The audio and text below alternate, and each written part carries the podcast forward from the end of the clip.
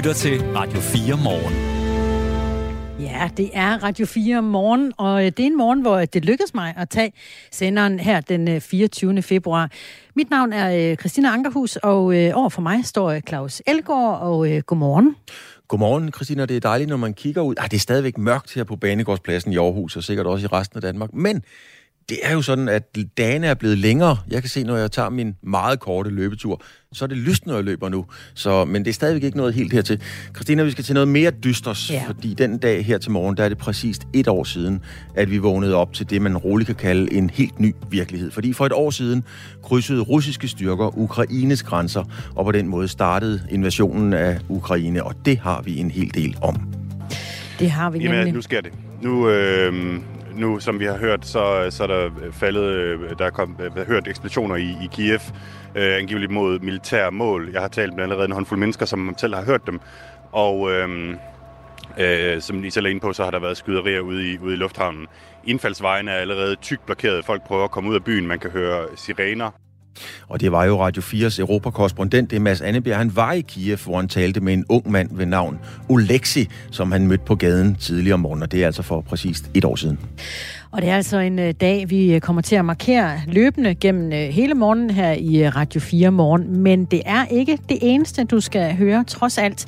Vi skal også en tur forbi Odense, hvor man fremover, når man pakker badetøjet og tager det på nakken, og øh, går i svømmehallen en tur, så skal man forbi en ansigtsgodkendelsesmaskine. Det er i hvert fald noget, der bliver foreslået nu, for at prøve at komme noget utryghed til, øh, til livs. Der har øh, været nogle episoder med øh, nogen, der har gjort det utrygt for øh, både besøgende og ansatte at være til stede. Så vi kommer til her til morgen at tale med manden bag forslaget. Og så skal vi tale med en dansker, der bor og arbejder i Kiev, og vi skal blandt andet tale om, øh, fordi vi ser jo bare i godsøjen bare krigen øh, i nyhederne, i fjernsynet, hører om den i Radio 4 osv. Men hvordan er det egentlig, livet fungerer, når man bor i et land med krig, hvor bomberne havler ned? Det og øh, mere til, alt sammen i Radio 4 morgen med Claus Elgaard og Christina Ankerhus. Godmorgen. Radio 4 taler med Danmark. Og øh, noget af det, som øh, vi i Danmark har mærket som en direkte konsekvens af krigen i Ukraine, det er øh, energikrisen. Og i dag, på årsdagen for invasionen i Ukraine, der kan vi øh, stoppe op heldigvis og sige, øh, pyha, vi, øh, vi klarede den. Vi klarede vinterens energikrise med et overskud af gas oven i købet. Men det er altså kun lige første omgang for ikke bare denne sommer, men også de, eller denne vinter, men også de næste mange kommende vintre. Der kan vi risikere at frygte, at vi løber tør for gas. Det mener du, Anders Overvad, chefanalytiker ved Tænketanken Europa. Godmorgen. Ja, det er som om, at øh, der er noget, der driller teknikken her til morgen. Og øh, jeg har heller ikke lige nogen øh, kommunikation direkte ud til øh, vores øh, producer. Det kan være, Claus, kan du se, øh, Magnus skriver han noget til os? Magnus skriver ikke noget til os lige nu, men øh, jeg tror ikke, at vi bryder nogen GDPR-regler ved at fortælle, at, øh, at vi har lidt bøvl med teknikken. Lad os prøve en gang. Lad os prøve på Thailand 2. Christina. Ja, og den har jeg nemlig også øh, åben. Har vi Anders overvejet med? Ja, det skulle vi gerne have. Nå, hvor er det godt, Anders. Chefanalytiker ved Tænketanken Europa, og øh, det er jo på en, øh, en morgen, hvor vi øh, markerer, at det er præcis et år siden, at Rusland invaderede Ukraine, og det er altså et år, der har præget os herhjemme i Danmark med masser af snak om energikrise. Vi har mærket det alle sammen. Men Anders Overvad, vi er også kommet ud af vinterens krise med skinnet på næsen, ikke? Hvorfor er det så, du mener, at vi kan stå over for endnu en energikrise næste vinter? Jamen, hvis vi kigger på, hvad der har gjort, at vi står i en så god situation i dag, så er noget af det, vi har været rigtig gode til, set fra EU's side, det er, at vi har været gode til at forhandle nye aftaler igennem med gashandel. Det har vi gjort blandt andet ved at spørge Norge, om de kunne levere mere, komme over til amerikanerne, men også en række lande som Katar og i Nordafrika, som også har kunne levere deres gas. Det har jo naturligvis ikke været en billig affære, det er derfor, at gaspriserne har været så høje gennem store dele af sidste år, øh, fordi at det var rigtig, rigtig meget gas, man skulle ud og erstatte. Dertil så har vi fra Europas side været rigtig gode til at spare på gassen. Hvis du ser på øh, perioden august til december, så har det, det europæiske gasforbrug været omkring 20% lavere, end det normalt vil. Og det er jo ting, vi kan blive ved med at gøre, så det skal vi også gøre. Men når vi kigger fremadrettet, så noget af det, der har hjulpet os, så var det, at Kina gerne ville sælge os en masse naturgas, fordi de skulle ikke bruge det, fordi de havde nedlukket økonomien på grund af corona. Dertil så fik vi igennem store dele af sidste år gas fra Rusland. Det gør vi ikke mere i samme årsag, og der er også en stor diskussion om, hvorvidt vi overhovedet kan regne med at skulle få mere gas igennem resten af året. Og så har vi haft en rigtig mild vinter, og det er der heller ikke nogen garanti for, når vi får næste år. Og summen af alle de ting, jamen det betyder, at hvis man for eksempel spørger det internationale energiagentur, så er der stadigvæk en risiko for, at vi kan løbe tør for gas næste vinter. Det kan være, Anders hvad, at vi øh, lige skal repetere. Hvad er det nu, vi øh, bruger gassen til i Danmark? Jamen, gas bruger vi blandt andet til opvarmning af vores huse, men vi bruger det også i store dele af vores industri, i de der meget energiintensive øh, øh, ja, dele af industrien. Nu er Danmark jo ikke nødvendigvis det land, som har sådan, den tungeste gasprofil. Det vil til gengæld være vores naboer ned mod syd. Øh, både Tyskland og Italien er, er store forbrugere, og var det også af russisk gas.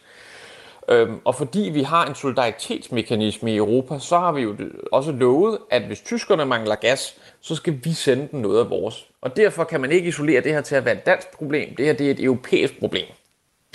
Og det var øh, Ruslands indtog for præcis et år siden, der var med til at øh, sparke gang i energikrisen, også her i øh, Danmark, fordi det internationale samfund lagde sanktioner ind mod russisk gas, og øh, det europæiske energiforbrug var 19 procent lavere i det seneste efterår og vinter, end det var i øh, samme periode de øh, foregående år. Og øh, den måde, vi øh, kom igennem den her vinter på, hvor mange af de ting, du nævnte før, kan vi så gøre brug af igen næste vinter? Jamen, vores øh, sparehjul har helt sikkert været noget af det, der har virket, og det vil være noget, der gør, kan gøre sig rigtig, rigtig godt. Vi har også fået forhandlet de nye leverancer hjem med, med andre lande, og det er også hjælpsomt. Og så har vi jo faktisk helt til næste vinter til at fortsætte opbygningen og udbygningen af både energieffektive løsninger, så vi kan reducere vores generelle behov for gas, men også skrue op for den vedvarende energi.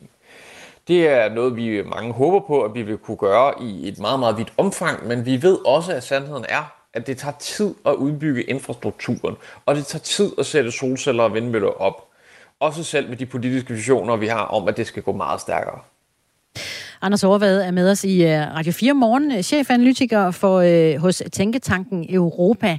Fordi vi taler om den energikrise, vi øh, netop er kommet ud af med, øh, med skinnet på næsen, kan man sige. Men øh, altså, vi står over for øh, nye vintre, der kommer, og vi er ikke herre over vejret, som du også siger det, Anders Overvad.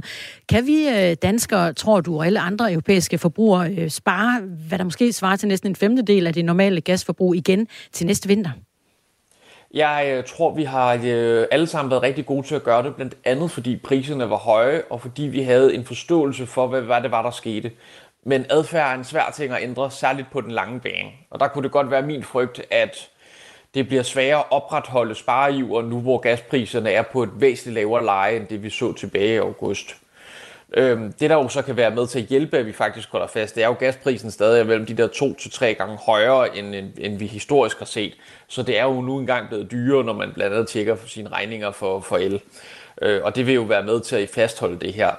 Men når vi kigger på, hvor svært det er faktisk at erstatte gas for vores energiforbrug, så kører den europæiske plan, Repower EU, som den hed jo, faktisk frem mod 2027, fordi det tager rigtig lang tid at opføre ny vedvarende energi, og du skal have den rigtige infrastruktur på plads.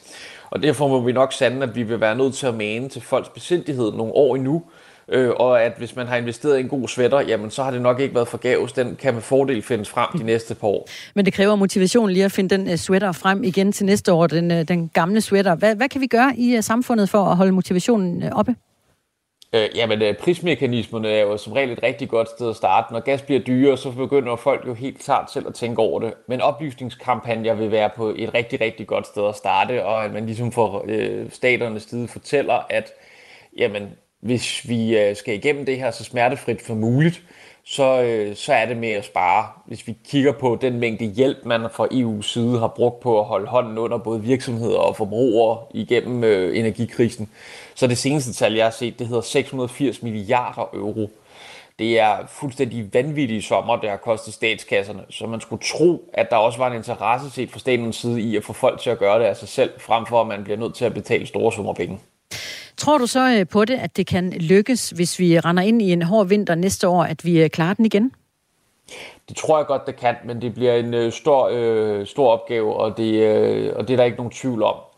Øh, men selv hvis vi mindre kan gøre det, og vi ikke løber tør for gas, så kan vi også stå i en situation, hvor vores lagerbeholdning den bliver tømt meget, meget kraftigt ned det varme vejr den her vinter har gjort, at vi kommer, ind i, øh, kommer ud af vinteren med omkring 65 procent af vores gaslager fyldte. Og det er rigtig glædeligt, fordi så skal det ikke fyldes lige så meget op, og det bliver billigere.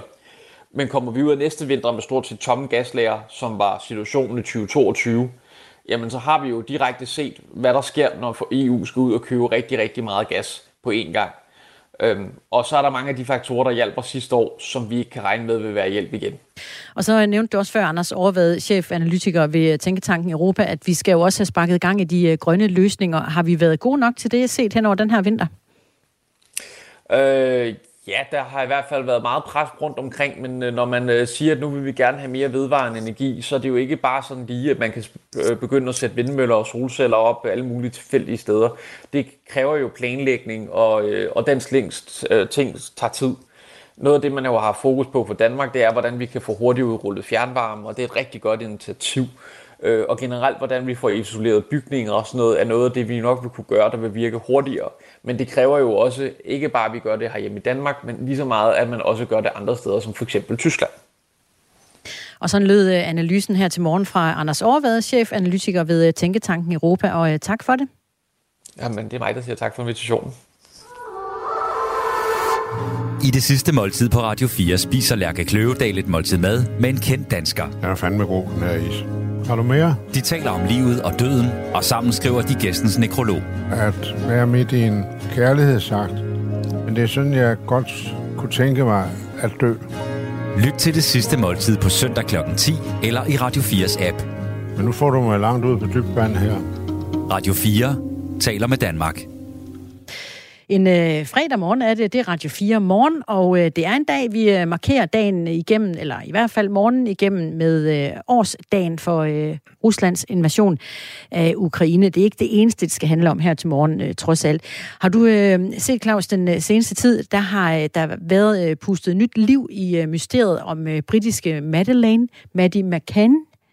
Nej, men jeg skal ærligt indrømme, at det er en sag, jeg har med gro. Jeg synes, det er en forfærdelig sag, uanset hvad der er op og ned i den. Jeg synes, det er en frygtelig sag, jeg har fulgt den med stor interesse, øh, lige siden den dukkede op. Men nej, jeg har ikke set det seneste. Det var jo øh, pigen, der forsvandt tilbage i 2007 under en ferie i Portugal med øh, sine forældre og øh, søskende, og siden har man aldrig fundet hende eller endegyldige spor i øh, sagen.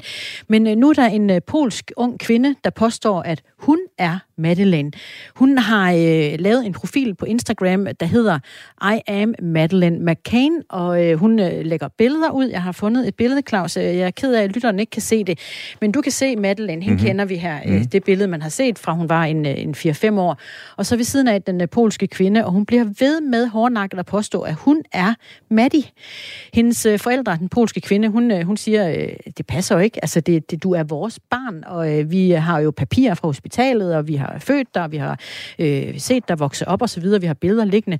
Men kvinden påstår det, og hun siger, at hun øh, vil blive ved med at påstå det, indtil at hendes forældre stiller op til en DNA-test. Jeg skulle lige til at sige det. Ja. Det må da være verdens nemmeste test at lave. Præcis. Men det siger de så nej til, fordi de synes alligevel, det er for grænseoverskridende, at, øh, at deres egen datter pludselig påstår noget andet. Så øh, den lever, den her profil, og historien lever, og øh, hele øh, ja, historien om øh, Maddie McCain lever fortsat, og der, der bliver ved med at puste liv i den. En, øh, en morgen, som, øh, hvor jeg tænker, at, øh, at der sker mange ting i verden. Det her blandt andet. Radio 4 taler med Danmark. Ja, og i dag er det jo så præcis et år siden, at vi vågnede op til en helt ny virkelighed. For om morgenen den 24. februar 2022 krydsede Rusland grænserne og begyndte invasionen af Ukraine.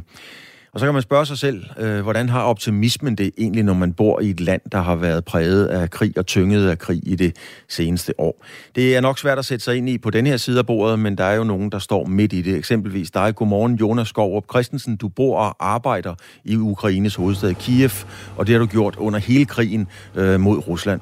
Jonas, op, hvordan er optimismen, hvis man kan tillade sig at sige optimismen mellem dig og dine ukrainske venner, når I taler om tingene? Øh, hvornår ser I en afslutning øh, på den her krig? Men det er måske øh, et svar, som er lidt mere modsætningsfyldt, øh, fordi vi er optimistiske, fordi vi tror på krigen, men det, vi, vi regner ikke med krigen, den slutter lige om hjørnet. Øh, mange håber selvfølgelig på, at øh, normaliteten vender tilbage, og vi kan komme videre. Øh, men mange har indstillet sig på, at det her, det, nu har vi levet med krig et år. Der kommer formentlig til at gå et år eller to endnu. Mm. Når I sidder og taler om det her, så er det ikke en munter samtale, Jonas. Det er jeg udmærket godt klar over.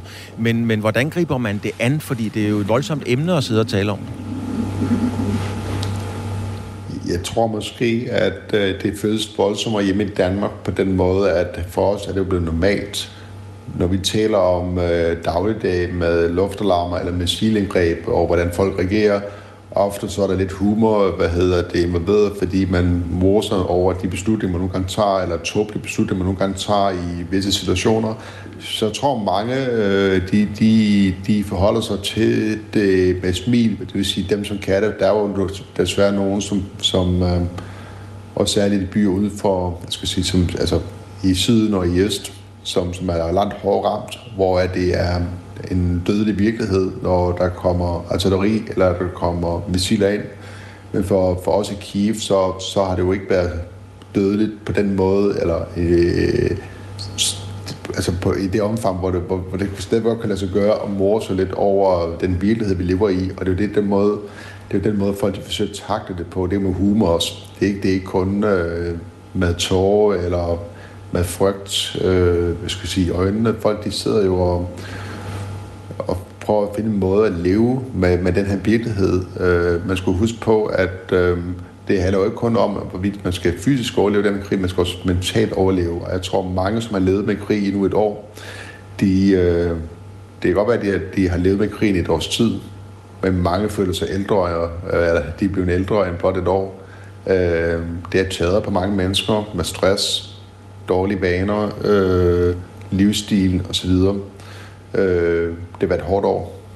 Ja, det kan jeg godt sætte mig ind i, Jonas Gård Christensen. Og når du siger, at I, der kommer noget humor og noget smil og sådan nogle ting, så er det egentlig ikke for ligesom at træde i det og, gøre, og, og, og, og stille det til spørgsmålstegn. I skal bare forstå det. Hvad er det for en humor, man har midt i en krig, når man sidder over en kop kaffe? Altså, det kan være, det kan være en, en dag, hvor der lød luftalarm, hvor, øh, hvor at, øh, man måske gik den forkerte vej hjem forbi en bygning, som man måske ikke lige øh, burde være gået forbi midt under loftalarm, og så kom der noget indgående.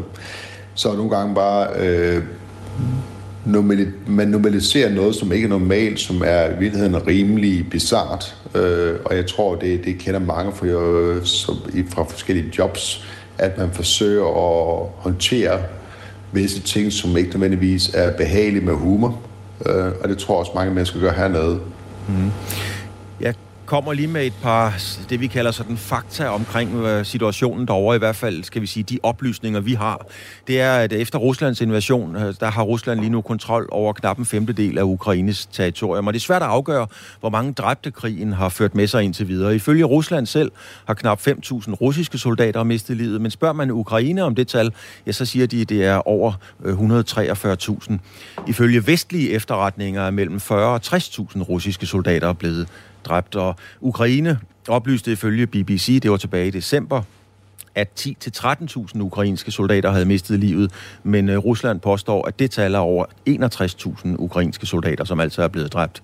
Man ved, at mindst 7.200 civile har mistet livet, men øh, ifølge øh, amerikanske efterretninger, der kan det tal være helt op imod 40.000 civile. Og ligegyldigt hvad, Jonas, så er, der jo, øh, så er der jo desværre rigtig mange, der mister livet på grund af den her krig. Øh, hvordan har de seneste år ændret dig og de mennesker, der bor i landet? Jamen, øh, det ender også på den måde, at der er mange af de mennesker, vi sås med før krigen, de er ikke i landet længere. De, øh, de, de er ude. Der er folk, som er splittet, fordi at øh, Øh, nogle er ved fronten, nogle kan ikke forlade landet, andre har forladt landet, særligt børn og kvinder. Så, så mange er splittede. Øh, det, det er også en del af den virkelighed, vi lever med, at folk er splittede. Øh, jeg har en svoger, øh, som er ved fronten, og jeg har en svigermor, som eneste dag øh, vågner op og går i seng med den frygt om, at der kommer en dårlig nyhed fra fronten. Det er den virkelighed, vi også lever med. Jonas, jeg har sådan et helt øh, lavpraktisk spørgsmål, og det kan lyde mærkeligt for dig, men jeg tror, det er svært for nogen herhjemme at forstå, i hvert fald for mig. Hvordan er livet i Kiev egentlig? Altså sender man børnene til fodboldtræning eller svømning? Går man selv til bingo eller i biografen? Eller hvordan foregår det liv? Jamen, I Kiev, der foregår meget normalt, bortset fra, at vi har det udgangsforbud, som starter hver eneste aften kl. 11 øh, og slutter næste morgen kl. 5. Øh, jeg, jeg arbejder pt. Jeg går på kontor. Øh, det, det gør mange andre.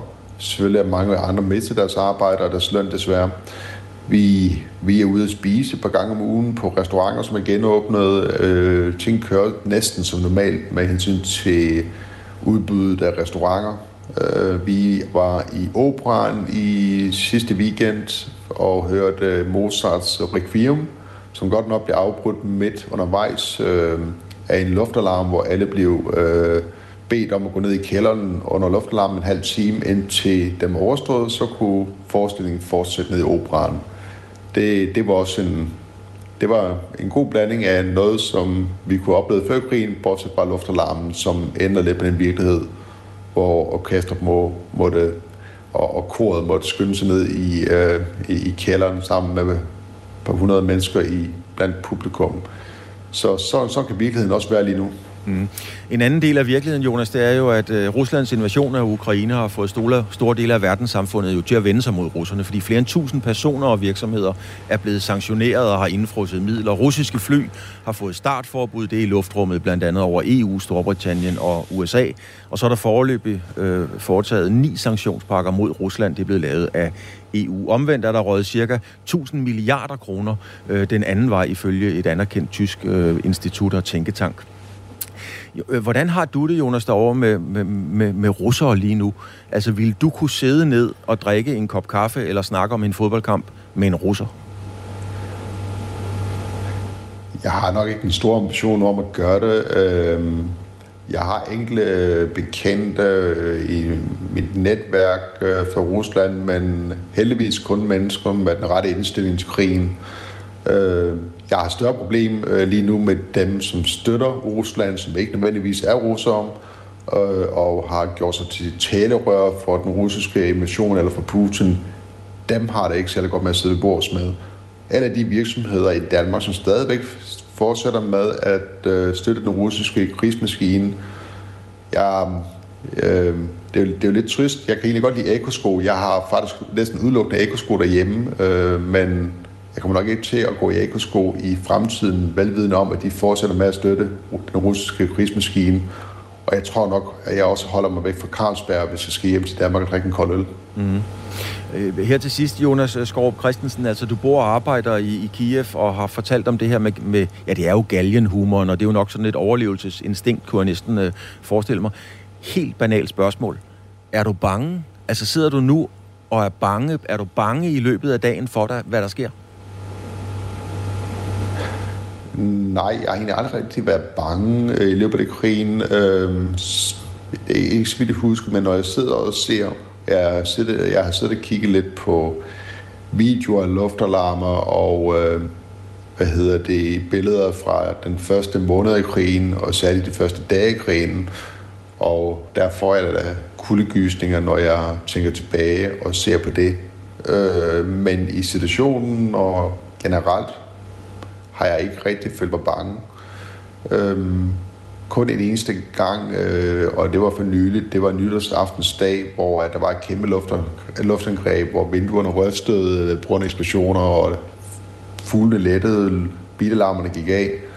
Og øh, Ines, øh, min hustru, var på vej hjem øh, med indkøb til nytårsaften, og øh, da jeg ringede fandt jeg ud af, at hun var et sted i Kiev, ikke langt fra hvor vi bor, men et sted i Kiev, man ikke bør være, når der bare kraftige eksplosioner. Og den dag, der må jeg indrømme, der, der, der, der var jeg både lidt bange og meget vred. det kan jeg godt forstå. Jonas Skov Christensen, du bor og arbejder i Kiev. Tak for din, øh, ja det kalder man jo en øjenvidenberetning for, hvordan tingenes tilstand er. Keep it up, Jonas. Tak fordi du vil være med. Tak. God dag. I lige måde til øh, Jonas på øh, årsdagen for krigen i Ukraine, der øh, fandt sted på denne dags dato, altså for et år siden, invasionen. Det kommer til at dominere morgen, denne morgen i Radio 4 morgen. Vi skal tale med forsvarsanalytiker og har også besøgt en kvinde, der er flygtet ud af Ukraine. Men nu er det nyhedstid. Klokken er 6.30. Nu er der nyheder på Radio 4. Regeringen ønsker at give højere ydelser til arbejdsløse indvandrere, og det ønsker Danmarksdemokraterne ikke at være med til. Sådan lyder det fra Danmarksdemokraternes gruppeformand Peter Skorup. Derfor er partiet blandt dem, som trak sig fra forhandlingerne om en ny aftale, hvor børnefamilier modtager inflationshjælp. Det viser i slutningen af forhandlingerne, at øh, regeringen modsat egentlig, hvad vi havde troet, fastholdt, at øh, der skulle gives penge til arbejdsløse indvandrere. Det ønsker vi ikke. Aftalen er indgået i aften, så ud over regeringen er SF, de radikale og Alternativet med i den. Dansk Folkeparti og Nye Borgerlige trak sig også fra forhandlingerne. I Dansk Folkeparti mener vi ikke, at en stor del af inflationshjælpen skal gå til arbejdsløse indvandrere. Derfor bakker vi ikke op om den model, som regeringen har lagt frem. Vi mener, at krisehjælpen skal gå til udsatte danskere, skriver familieordfører Mette Thiesen fra DF i en skriftlig kommentar til Ritzau. Inflationshjælpen udbetales til omkring 65.000 børn i omkring 40.000 familier. 44 procent af familierne har en ikke-vestlig herkomst. I dag er det et år siden, at russiske militærkolonner krydsede Ukraines grænser, og krigen var en realitet. Det markeres flere steder i landet med blandt andet fakkeloptog, taler, debatter og gudstjenester. I Holmens Kirke i København er hele det politiske Danmark inviteret til en gudstjeneste kl. 10. Der vil være taler ved statsminister Mette Frederiksen, Folketingets formand Søren Gade og Ukraines ambassadør. Danmark deler værdier som frihed, demokrati og national selvbestemmelse med Ukraine. Derfor er Ukraines kamp for frihed også Danmarks frihedskamp. Med dagens aktiviteter ønsker Folketinget at sende signal om, at alle 12 politiske partier i Folketinget støtter Ukraines frihedskamp, siger Søren Gade. Kronprins Frederik og kronprinsesse Mary vil være til stede ved gudstjenesten, som Folketinget er vært for. Udover folketingsmedlemmer er danske europaparlamentarikere og udenlandske ambassadører i Danmark inviteret. USA vil sende for yderligere 2 milliarder dollar i sikkerhedsstøtte til Ukraine, men forholder sig fortsat afventende til spørgsmål om F-16 jagerfly. Det fremgår af udtalelser fra Jake Sullivan, som er USA's nationale sikkerhedsrådgiver ved tv-transmitteret CNN-arrangement natten til i dag dansk tid. De 2 milliarder dollars svarer til 14 milliarder danske kroner. Hjælpepakken er blot den seneste i en lang række af amerikanske hjælpepakker. Kinas holdning til krigen i Ukraine har længe været genstand for debat, men natten til i dag dansk tid, årsdagen for Ruslands invasion, har republikken frigivet et officielt holdningsdokument. Dokumentet udpensler gennem 12 punkter Kinas holdning til krigen i Ukraine. I det allerførste punkt, som hedder respekt for alle landes suverænitet, skriver Kina, at universelt anerkendt international lov herunder formålene og principperne i FN-pakten nøje skal overholdes. Alle lande, store som små, stærke eller svage, rige eller fattige, er ligeværdige medlemmer af det internationale samfund, skriver Kina. Det er både slet skjult kritik af Rusland og Vesten at finde i dokumentet. Et lands sikkerhed bør ikke forfølges på bekostning af andre, skriver Kina. Danskernes vilje til at hjælpe offrene for krigen i Ukraine har vist sig at være usædvanligt stor. Flere af organisationerne har aldrig modtaget et så stort samlet donationsbeløb fra private til en katastrofe. Alligevel er det ikke gået ud over donationerne til andre katastrofer rundt om i verden. Det fortæller Anders Ladekarl, der er generalsekretær i Dansk Røde Kors. Faktisk har vi aldrig samlet mere ind til katastrofer ude i verden, end vi gjorde i 2022. Indsamlingen til hjælpearbejde i forbindelse med jordskælvene i Tyrkiet og Syrien har også slået rekord, når det kommer til donationer til jordskælv. Her har Dansk Røde Kors indsamlet 101 million kroner, fortæller Anders Ladekarl. Men indsamlingen til Ukraine slår alligevel alt, fortæller han. Her har organisationen modtaget 693 millioner kroner fra private virksomheder og fonde i Danmark. Mest skyet og perioder med regn eller byer, der i den østlige del kan være med slud. Vi får temperaturer i dag mellem 2 og 7 grader. Du lytter til Radio 4 morgen. Husk, du kan skrive en sms til os på 1424. En øh, fredag morgen i Radio 4 morgen med Christina Ankerhus og Claus Elgård. Vi skal en øh, tur til øh, Odense. Vi skal faktisk i svømmehallen. For uh, badegæster i en svømmehal i Odense skal måske forbi en ansigtsgenkendelsesmaskine, når de fremover tjekker ind med badetøjet. Det foreslår kommunens by- og kulturrådmand Søren Vindel fra De Konservative i hvert fald. Forslaget kommer efter, at der har været flere episoder med uromager, der har skabt utryghed i svømmehallen i Odense. Og det er altså øh, utryghed, øh, som har kunne føles både hos de besøgende og hos de ansatte.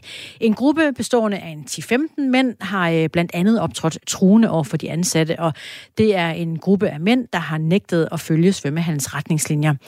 Helt konkret ville ansigtsgenkendelsen ifølge Thomas Moslund, der er professor i videoovervågning ved Aalborg Universitet, kunne foregå på den her måde. Det svarer jo i princippet til, at du skal vise et, øh, et ID for at få lov at komme ind et sted. Så her, i stedet for at vise ID, så viser du dit ansigt. Så er der et uh, kamera, der tager et billede af dit ansigt, og så sammenligner det det med en database med billeder, som det så skal have adgang til, hvor dit ansigt er her i. Og hvis der så er en match, så har systemet automatisk fundet ud af, hvem du er, og så kan du så enten komme ind eller ikke komme ind, afhængig af, hvad det er, man vil bruge det til. Søren Vindel By og øh, kulturrådmand i øh, Odense Kommune for de konservative. Velkommen til.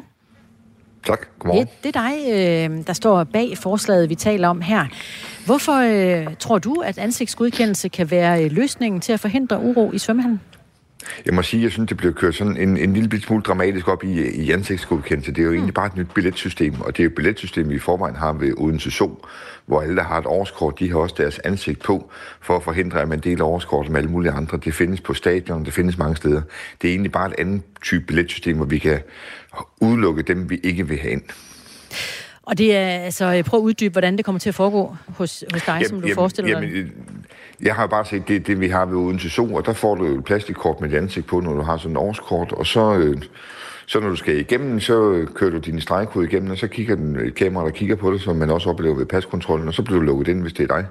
Og hvis du har lov til det, og, og dit øh, kort ikke udløber, ellers så kan du ikke komme ind. Og så er det jo den måde, vi kan holde de her ballade med øh, ude på. Det var jo en meget, meget voldsom episode, vi havde sidst. Det var altså otte politibetjente, der kom også med hunde ind i en svømmehal, hvor folk de var for at hygge sig, for at svømme, for at gå i sauna og slappe af.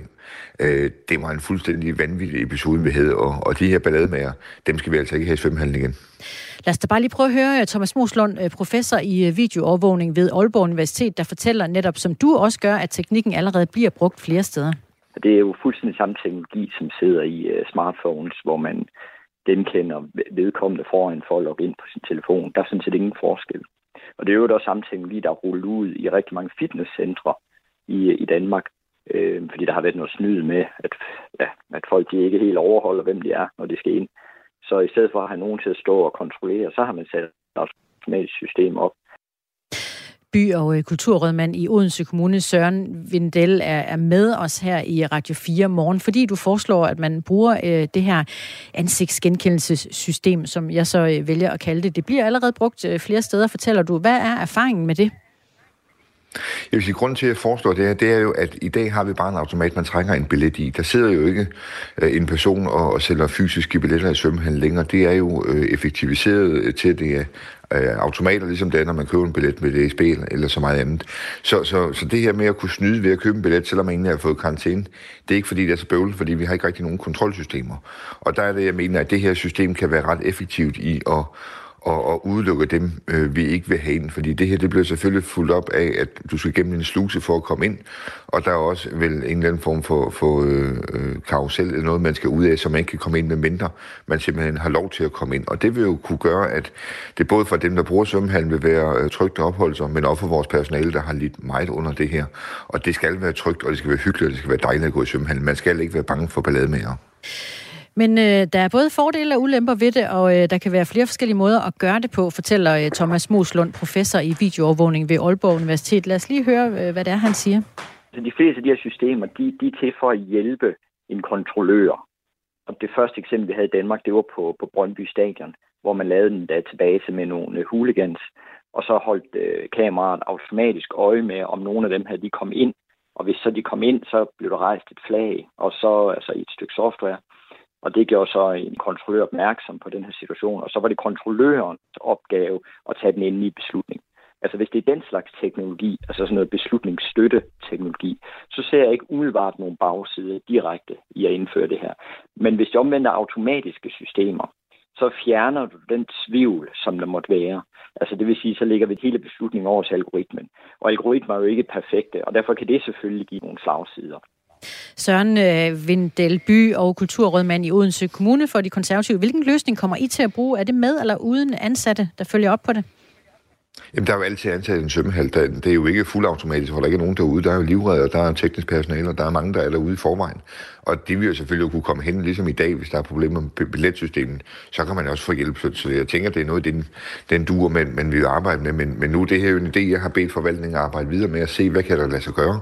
Hvad er teknisk muligt? Hvad koster det? Øh, det er jo også lige et par meter, men, men øh, det vigtige for mig, det er at genskabe trygheden ved at gå i svømmehallen. Både for dem, der, der bruger svømmehallen, vores borgere, men også for vores personale. Så er der kommet et par sms'er, der handler om det her med ansigtsgenkendelse. Inge skriver blandt andet til os, eller lad mig lige sige med det samme, Inge er ikke begejstret for det. Hun skriver, at I der blevet splitteravne sindssyge ansigtsgenkendelse? Hvornår Danmark blevet et kommunistisk styre? Hvornår begynder I at stille jer kritisk over for alt det vanvid, som vælter ind over os? Og det var altså med venlig hilsen fra Inge. Hun, hun spørger dig faktisk også, øh, vil jeg kunne komme ind uden ansigtsgenkendelse? Det er samme Inge. Jamen, hvis vi laver et billetsystem, der, der skal have et billede af dig for at kunne komme ind, så vil jeg da tænke, at det skal man, det skal man have, ligesom der er så meget andet med en dag. Altså, skal du have et pas, eller så videre, skal du også have et billede i. Øh, det, det, er jo en teknologi, man bruger mange steder. Jeg tror heller ikke, at ingen kunne få et årskort i Odense Zoo, hvis hun heller ikke øh, vil have et billede på, fordi det er jo det er for at forhindre, at vi får dem ind, vi ikke vil have ind. Og det er jo en, en ny måde at, at gøre det på, som, som vi skal arbejde videre med. Øh, og der tror jeg både ingen og alle mulige andre er nødt til at indstille sig på, at vi, vi, vi skal altså bruge teknologien der, hvor den er smart, og der, hvor den hjælper os. Øh, så vi ikke skal, skal have øh, folk til at sidde bag en luge og sælge manuelle billetter, fordi det er alt for dyrt, og det gør det kun dyrere at gå i svømmehallen. Og det ønsker jeg egentlig ikke. Jeg ønsker, at det skal være nemt, og, og det skal være trygt at gå i svømmehallen. Og det, øh, som, øh, som Inge skriver, det er jo også øh, i tænker jeg, en øh, iboende frygt for øh, overvågning generelt. Hvor er din grænse mellem øh, overvågning og så den her form for ansigtsgenkendelse? Altså, vi blev alle sammen overvåget i en eller anden grad. Vores nummerplader blev scannet over alle vores telefoner udsender signaler. Øh, som der også blev sagt af, af professoren for at når vi åbner vores telefon, så er det jo også mange af dem med vores ansigt. Og det er jo bare en anden teknologi. I stedet for at bruge koder og, og alt muligt andet, så, så er der ansigter og fingeraftryk og alt muligt andet, vi kan bruge for at, at logge på computer osv. Og, og det er jo bare den teknologi, vi tager, vi tager i brug her, øh, eller jeg foreslår, at vi tager i brug. Så vi gør det nemmere og tryggere at gå i svømmehallen. Og det er jo også en øh, kendt konservativ øh, tilgang til det. Det er ikke første gang, at konservative støtter op om en former for overvågning. I 2019 ønskede regeringen med Mette Frederiksen i spidsen at indføre en øget overvågning af det offentlige Danmark, og der var I, de konservative, positive for forslaget. Er det, er det fordi I i virkeligheden hos de konservative har et ønske om et samfund med, med mere tjek på tingene, mere overvågning? Ah, nu tror jeg, vi begynder med nogle konspirationsteorier snart. Det her, det handler om at gøre det trygt, og, og videoovervågning skaber bare noget tryghed. Det, det er også præventivt. Øh, man bruger det jo også på en tankstation og så videre. Altså, da jeg var tankpasser for snart 20 år siden, der havde vi jo også videoovervågning. Det havde man jo, fordi der var rigtig mange øh, røverier dengang mod tankstationer. Det var sted, hvor der var kontanter. Så satte man det op, og det begyndte at arbejde præventivt, inden man fik intelligente kassesystemer, hvor der jo i dag stort set ikke er kontanthåndtering. Og sådan har teknologien jo hjulpet os med rigtig mange ting. Det det handler ikke om at overvåge borgere. Det handler om at gøre det trygt for borgerne. Øh, og det skal være trygt, og det skal være, være hyggeligt at gå i svømmehallen. Man skal ikke være bange for, at der kommer en ballade med ind, hvis vi hjælp af, af noget nemt øh, teknologi kan holde dem udenfor. Men du argumenterer jo for, at vi bliver overvåget alligevel. Er dit bedste argument for at sanktionere og godkende ansigtsgenkendelse? Nå jamen, det bliver vi jo alligevel. Er det dit bedste argument? Jamen, det her, det handler jo ikke om overvågning, men det handler om et billetsystem, der i stedet for, at, at du har en kode eller en, en uh, stregkode eller anden måde at, at scanne dig ind på, så bruger dit ansigt, så vi nemt kan sikre, at dem, vi ikke vil have ind, de kommer ikke ind. Det, det handler ikke om overvågning. Og det sagde øh, Søren Vendelby og øh, kulturrådmand i Odense Kommune for de konservative. Og tak fordi du var med os her til morgen. Godmorgen. Godmorgen. Radio 4 taler med Danmark. Vi gør i hvert fald vores bedste. I dag er det præcis et år siden, at Rusland invaderede Ukraine. Og selvom de to lande jo tidligere har bekæmpet hinanden blandt andet i 2014, hvor Rusland annekterede halvøen Krim, ja, så er det for langt de fleste præcis den 24. februar 2022, som markerer begyndelsen på krigen i Ukraine. Og den dato står også meget tydeligt for vores statsminister, det er selvfølgelig Mette Frederiksen. Og også selvom hun ikke, skal vi sige, så dagen som en stor overraskelse, det sagde hun i går til Pernille Rudbæk og Thomas Larsen i Radio 4's politiske magasin Mandat. For mig var det ikke en overraskelse. Altså, det er så man jo ikke helt uforberedt øh, i mit embede på, når sådan noget her det sker. Øh, vi har set en meget, meget stor oprustning fra russisk side mod øh, grænsen øh, ind til Ukraine i, i, i øh, ugerne øh, op til. Men det er klart, at missilregnen øh, over de ukrainske byer vil jo øh, for evigt være et af de billeder, som øh, jeg i hvert fald ikke kan slette fra min egen, fra min egen hukommelse. Rusland gik øh, ind i Ukraine på et tidspunkt, hvor en krig i Europa ellers øh, kunne synes meget langt væk. Og selvom øh, statsministeren som sagt ikke var overrasket over, at Rusland gik ind i Ukraine, så har vi bidraget til militære kræfter, eller så har bidraget til militære kræfter som bekendt ikke været på det niveau, som NATO krævede hverken fra dansk side eller fra hovedparten af EU-landenes side. Aftalen mellem NATO-medlemmerne er at bruge 2% af hvert medlemslands bruttonationalprodukt på militæret, og den grænse har Danmark ikke levet op til. Men på trods af det, så mener statsministeren ikke, at Danmark har svigtet de andre medlemslande, faktisk tværtimod. Jeg tror bestemt ikke, der er en oplevelse i vores øh, kreds af allierede om, at vi har svigtet øh, hverken NATO eller USA. Altså, vi bliver regnet for at være en utrolig øh, både lojal, men også meget pålidelig partner. Vi har jo også vist det nu, både med vores direkte donationer, men også med vores meget aktivt til stedevær på østlig flanke, blandt andet Baltikum, men også med F-16-fly øh, i forhold til, til Polen. Så jeg hører kun øh, positive ord omkring øh, Danmarks rolle øh, i, i NATO-sammenhæng. Det er klart, der er et ønske om, at vi når op på de 2%, og det er jo øh, også i det lys, man skal se, at den nye regering har fremrykket tidspunktet for, hvornår vi lever op til det. Og det er jo derfor, at vi i Danmark diskuterer at afskaffe store bededag. Så det er altså vigtigt, at Danmark når op på de øh, 2 procent, siger statsministeren.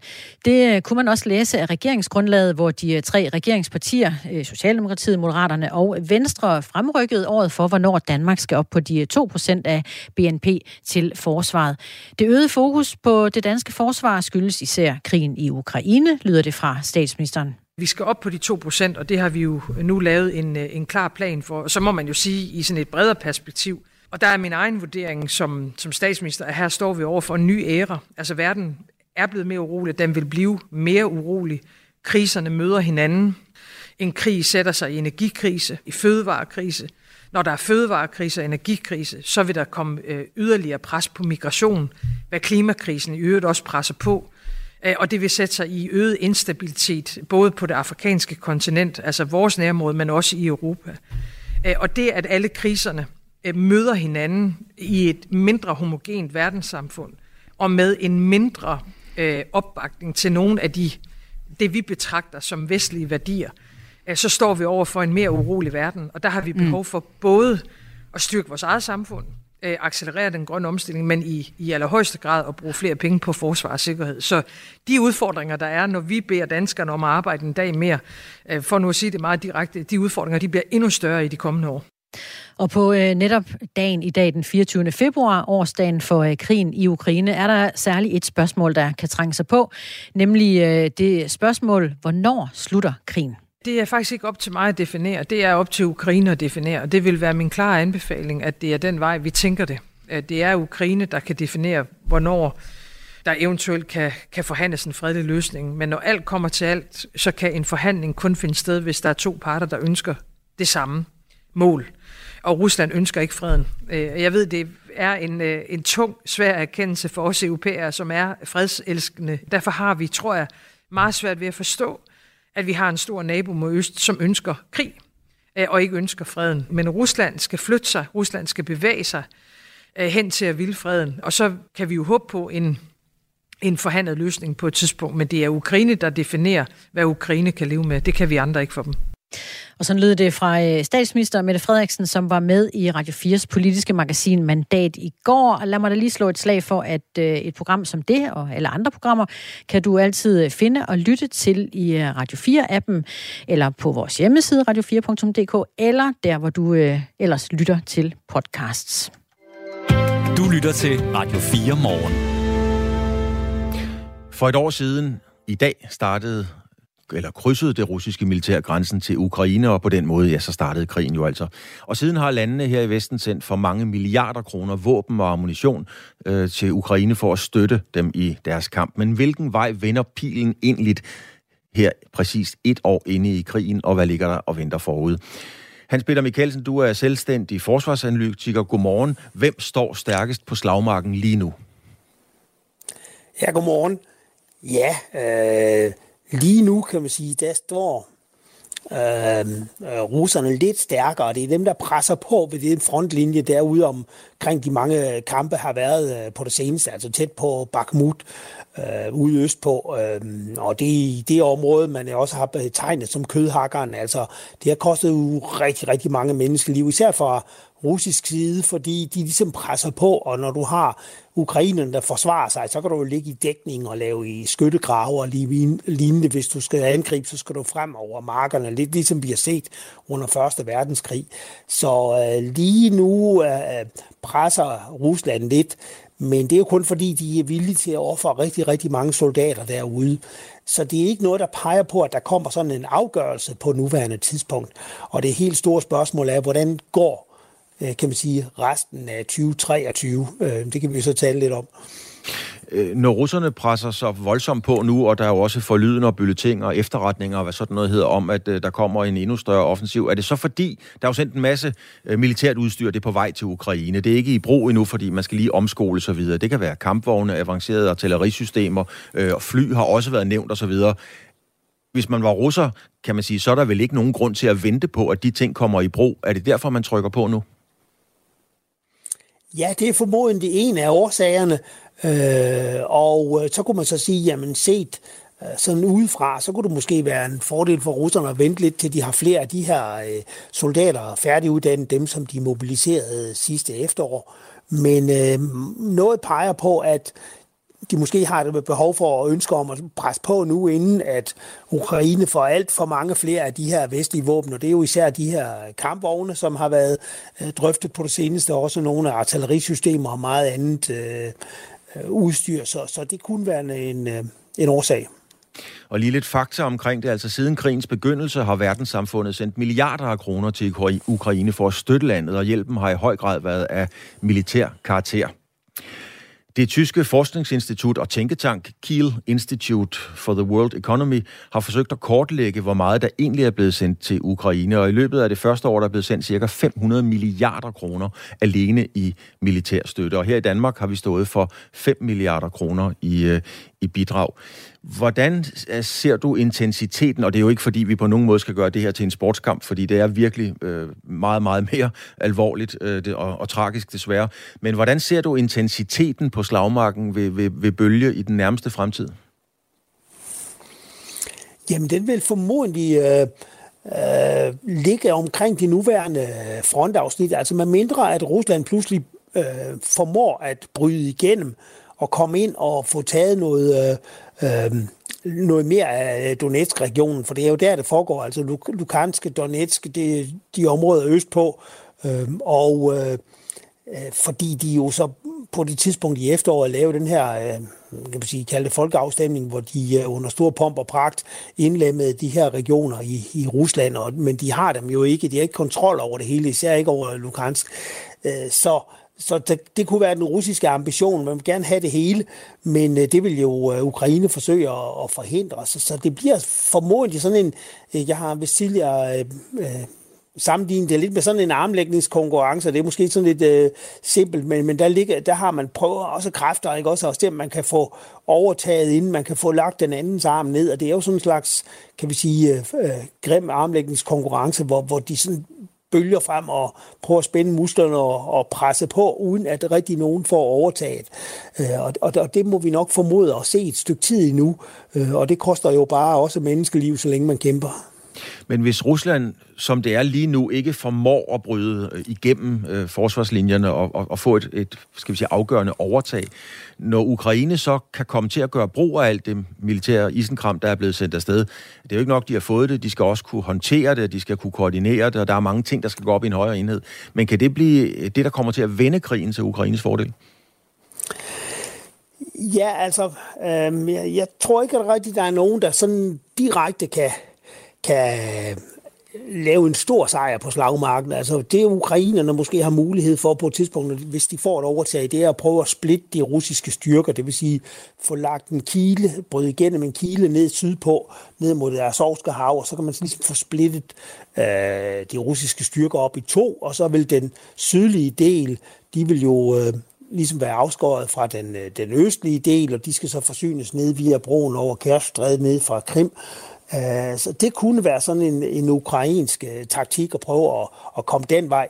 Øh, men det vil jo stadigvæk ikke rigtig afgøre krigen, og det er jo nok der, vi ser ind i en periode med sådan en, en mere eller mindre fastlåst, altså der vil fortsat være kampe, og hvis der ikke er, er nogen, der kan rigtig vinde på slagmarken, det er der ikke noget meget, der peger på, at man kan, så, så skal så skal jo parterne ligesom øh, udmattes på en eller anden måde. Altså, så minder vi måske om noget på, der kunne, øh, når vi kigger tilbage til Koreakrigen. Øh, Korea er jo delt i Nord- og Sydkorea øh, langs det 38. breddegrad, fordi det var der, krigen stoppede, og så fik man en våbenhvile, men der er aldrig kommet en fredslutning. Og det kunne jo godt måske være noget af det, men man kigger ind i noget lignende, at det bliver sådan en mere eller mindre fastlåst, og på et eller andet tidspunkt, så bliver begge parter sige, at vi kan ikke nå mere på slagmarken. Og så er det nok det, der skal til, at en erkendelse af, at vi ikke kan opnå vores mål på slagmarken, så kan man måske komme øh, hen til et øh, forhandlingsbord på en eller anden plan.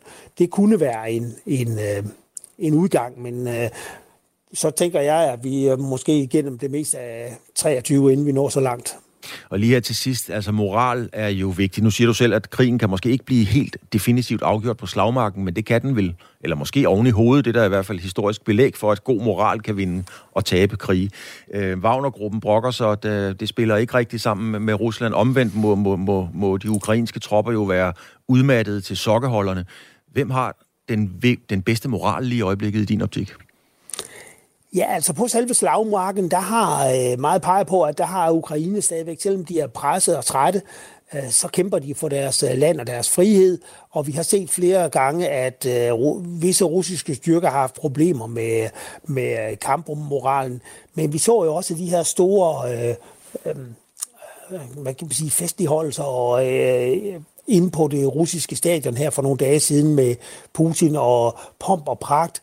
Altså i selve det russiske samfund ser moralen til at være, ud til at være høj, så der er ikke nogen øh, begyndende kamptræthed i selve det russiske samfund på nuværende tidspunkt. Og det vil sige, så længe det russiske samfund kan forsyne med soldater og stadigvæk med materiel, jamen så kommer der der er nye soldater til, øh, hvor de gamle de blev trætte eller faldt. Øh, så, så man kan sige, på den måde, så er der heller ikke nogen klar vinder på den moralske kamp lige i øjeblikket. Øh, Ukraine kæmper for deres land og har vestens støtte. Rusland kæmper også for deres, og de kan man kan sige indtil videre, som, som verden ser ud, så har de også en vis grad af støtte fra, fra Kina, i hvert fald sådan øh, psykologisk øh, støtte fra Kina. Og således sagde Hans Peter Mikkelsen, du er selvstændig forsvarsanalytiker. Tak for din analyse af situationen i og omkring Ukraine. Og årsdagen for krigen i Ukraine dominerer det meste af denne her øh, Radio 4 morgen. Det øh, gør den øh, selv sagt. Vi skal blandt andet besøge en familie, en ukrainsk kvinde, der flygtede fra krigen i Ukraine til Danmark med sine tre børn. Og hun fortæller, at hun tydeligt husker den her dag for præcis et år siden. Hun øh, bor i øh, Vejen i Sydjylland nu, og øh, hun kan fortælle os her i løbet af morgenen, at det har så været hårdt på alle mulige tænkelige måder at tage øh, flugten til Danmark.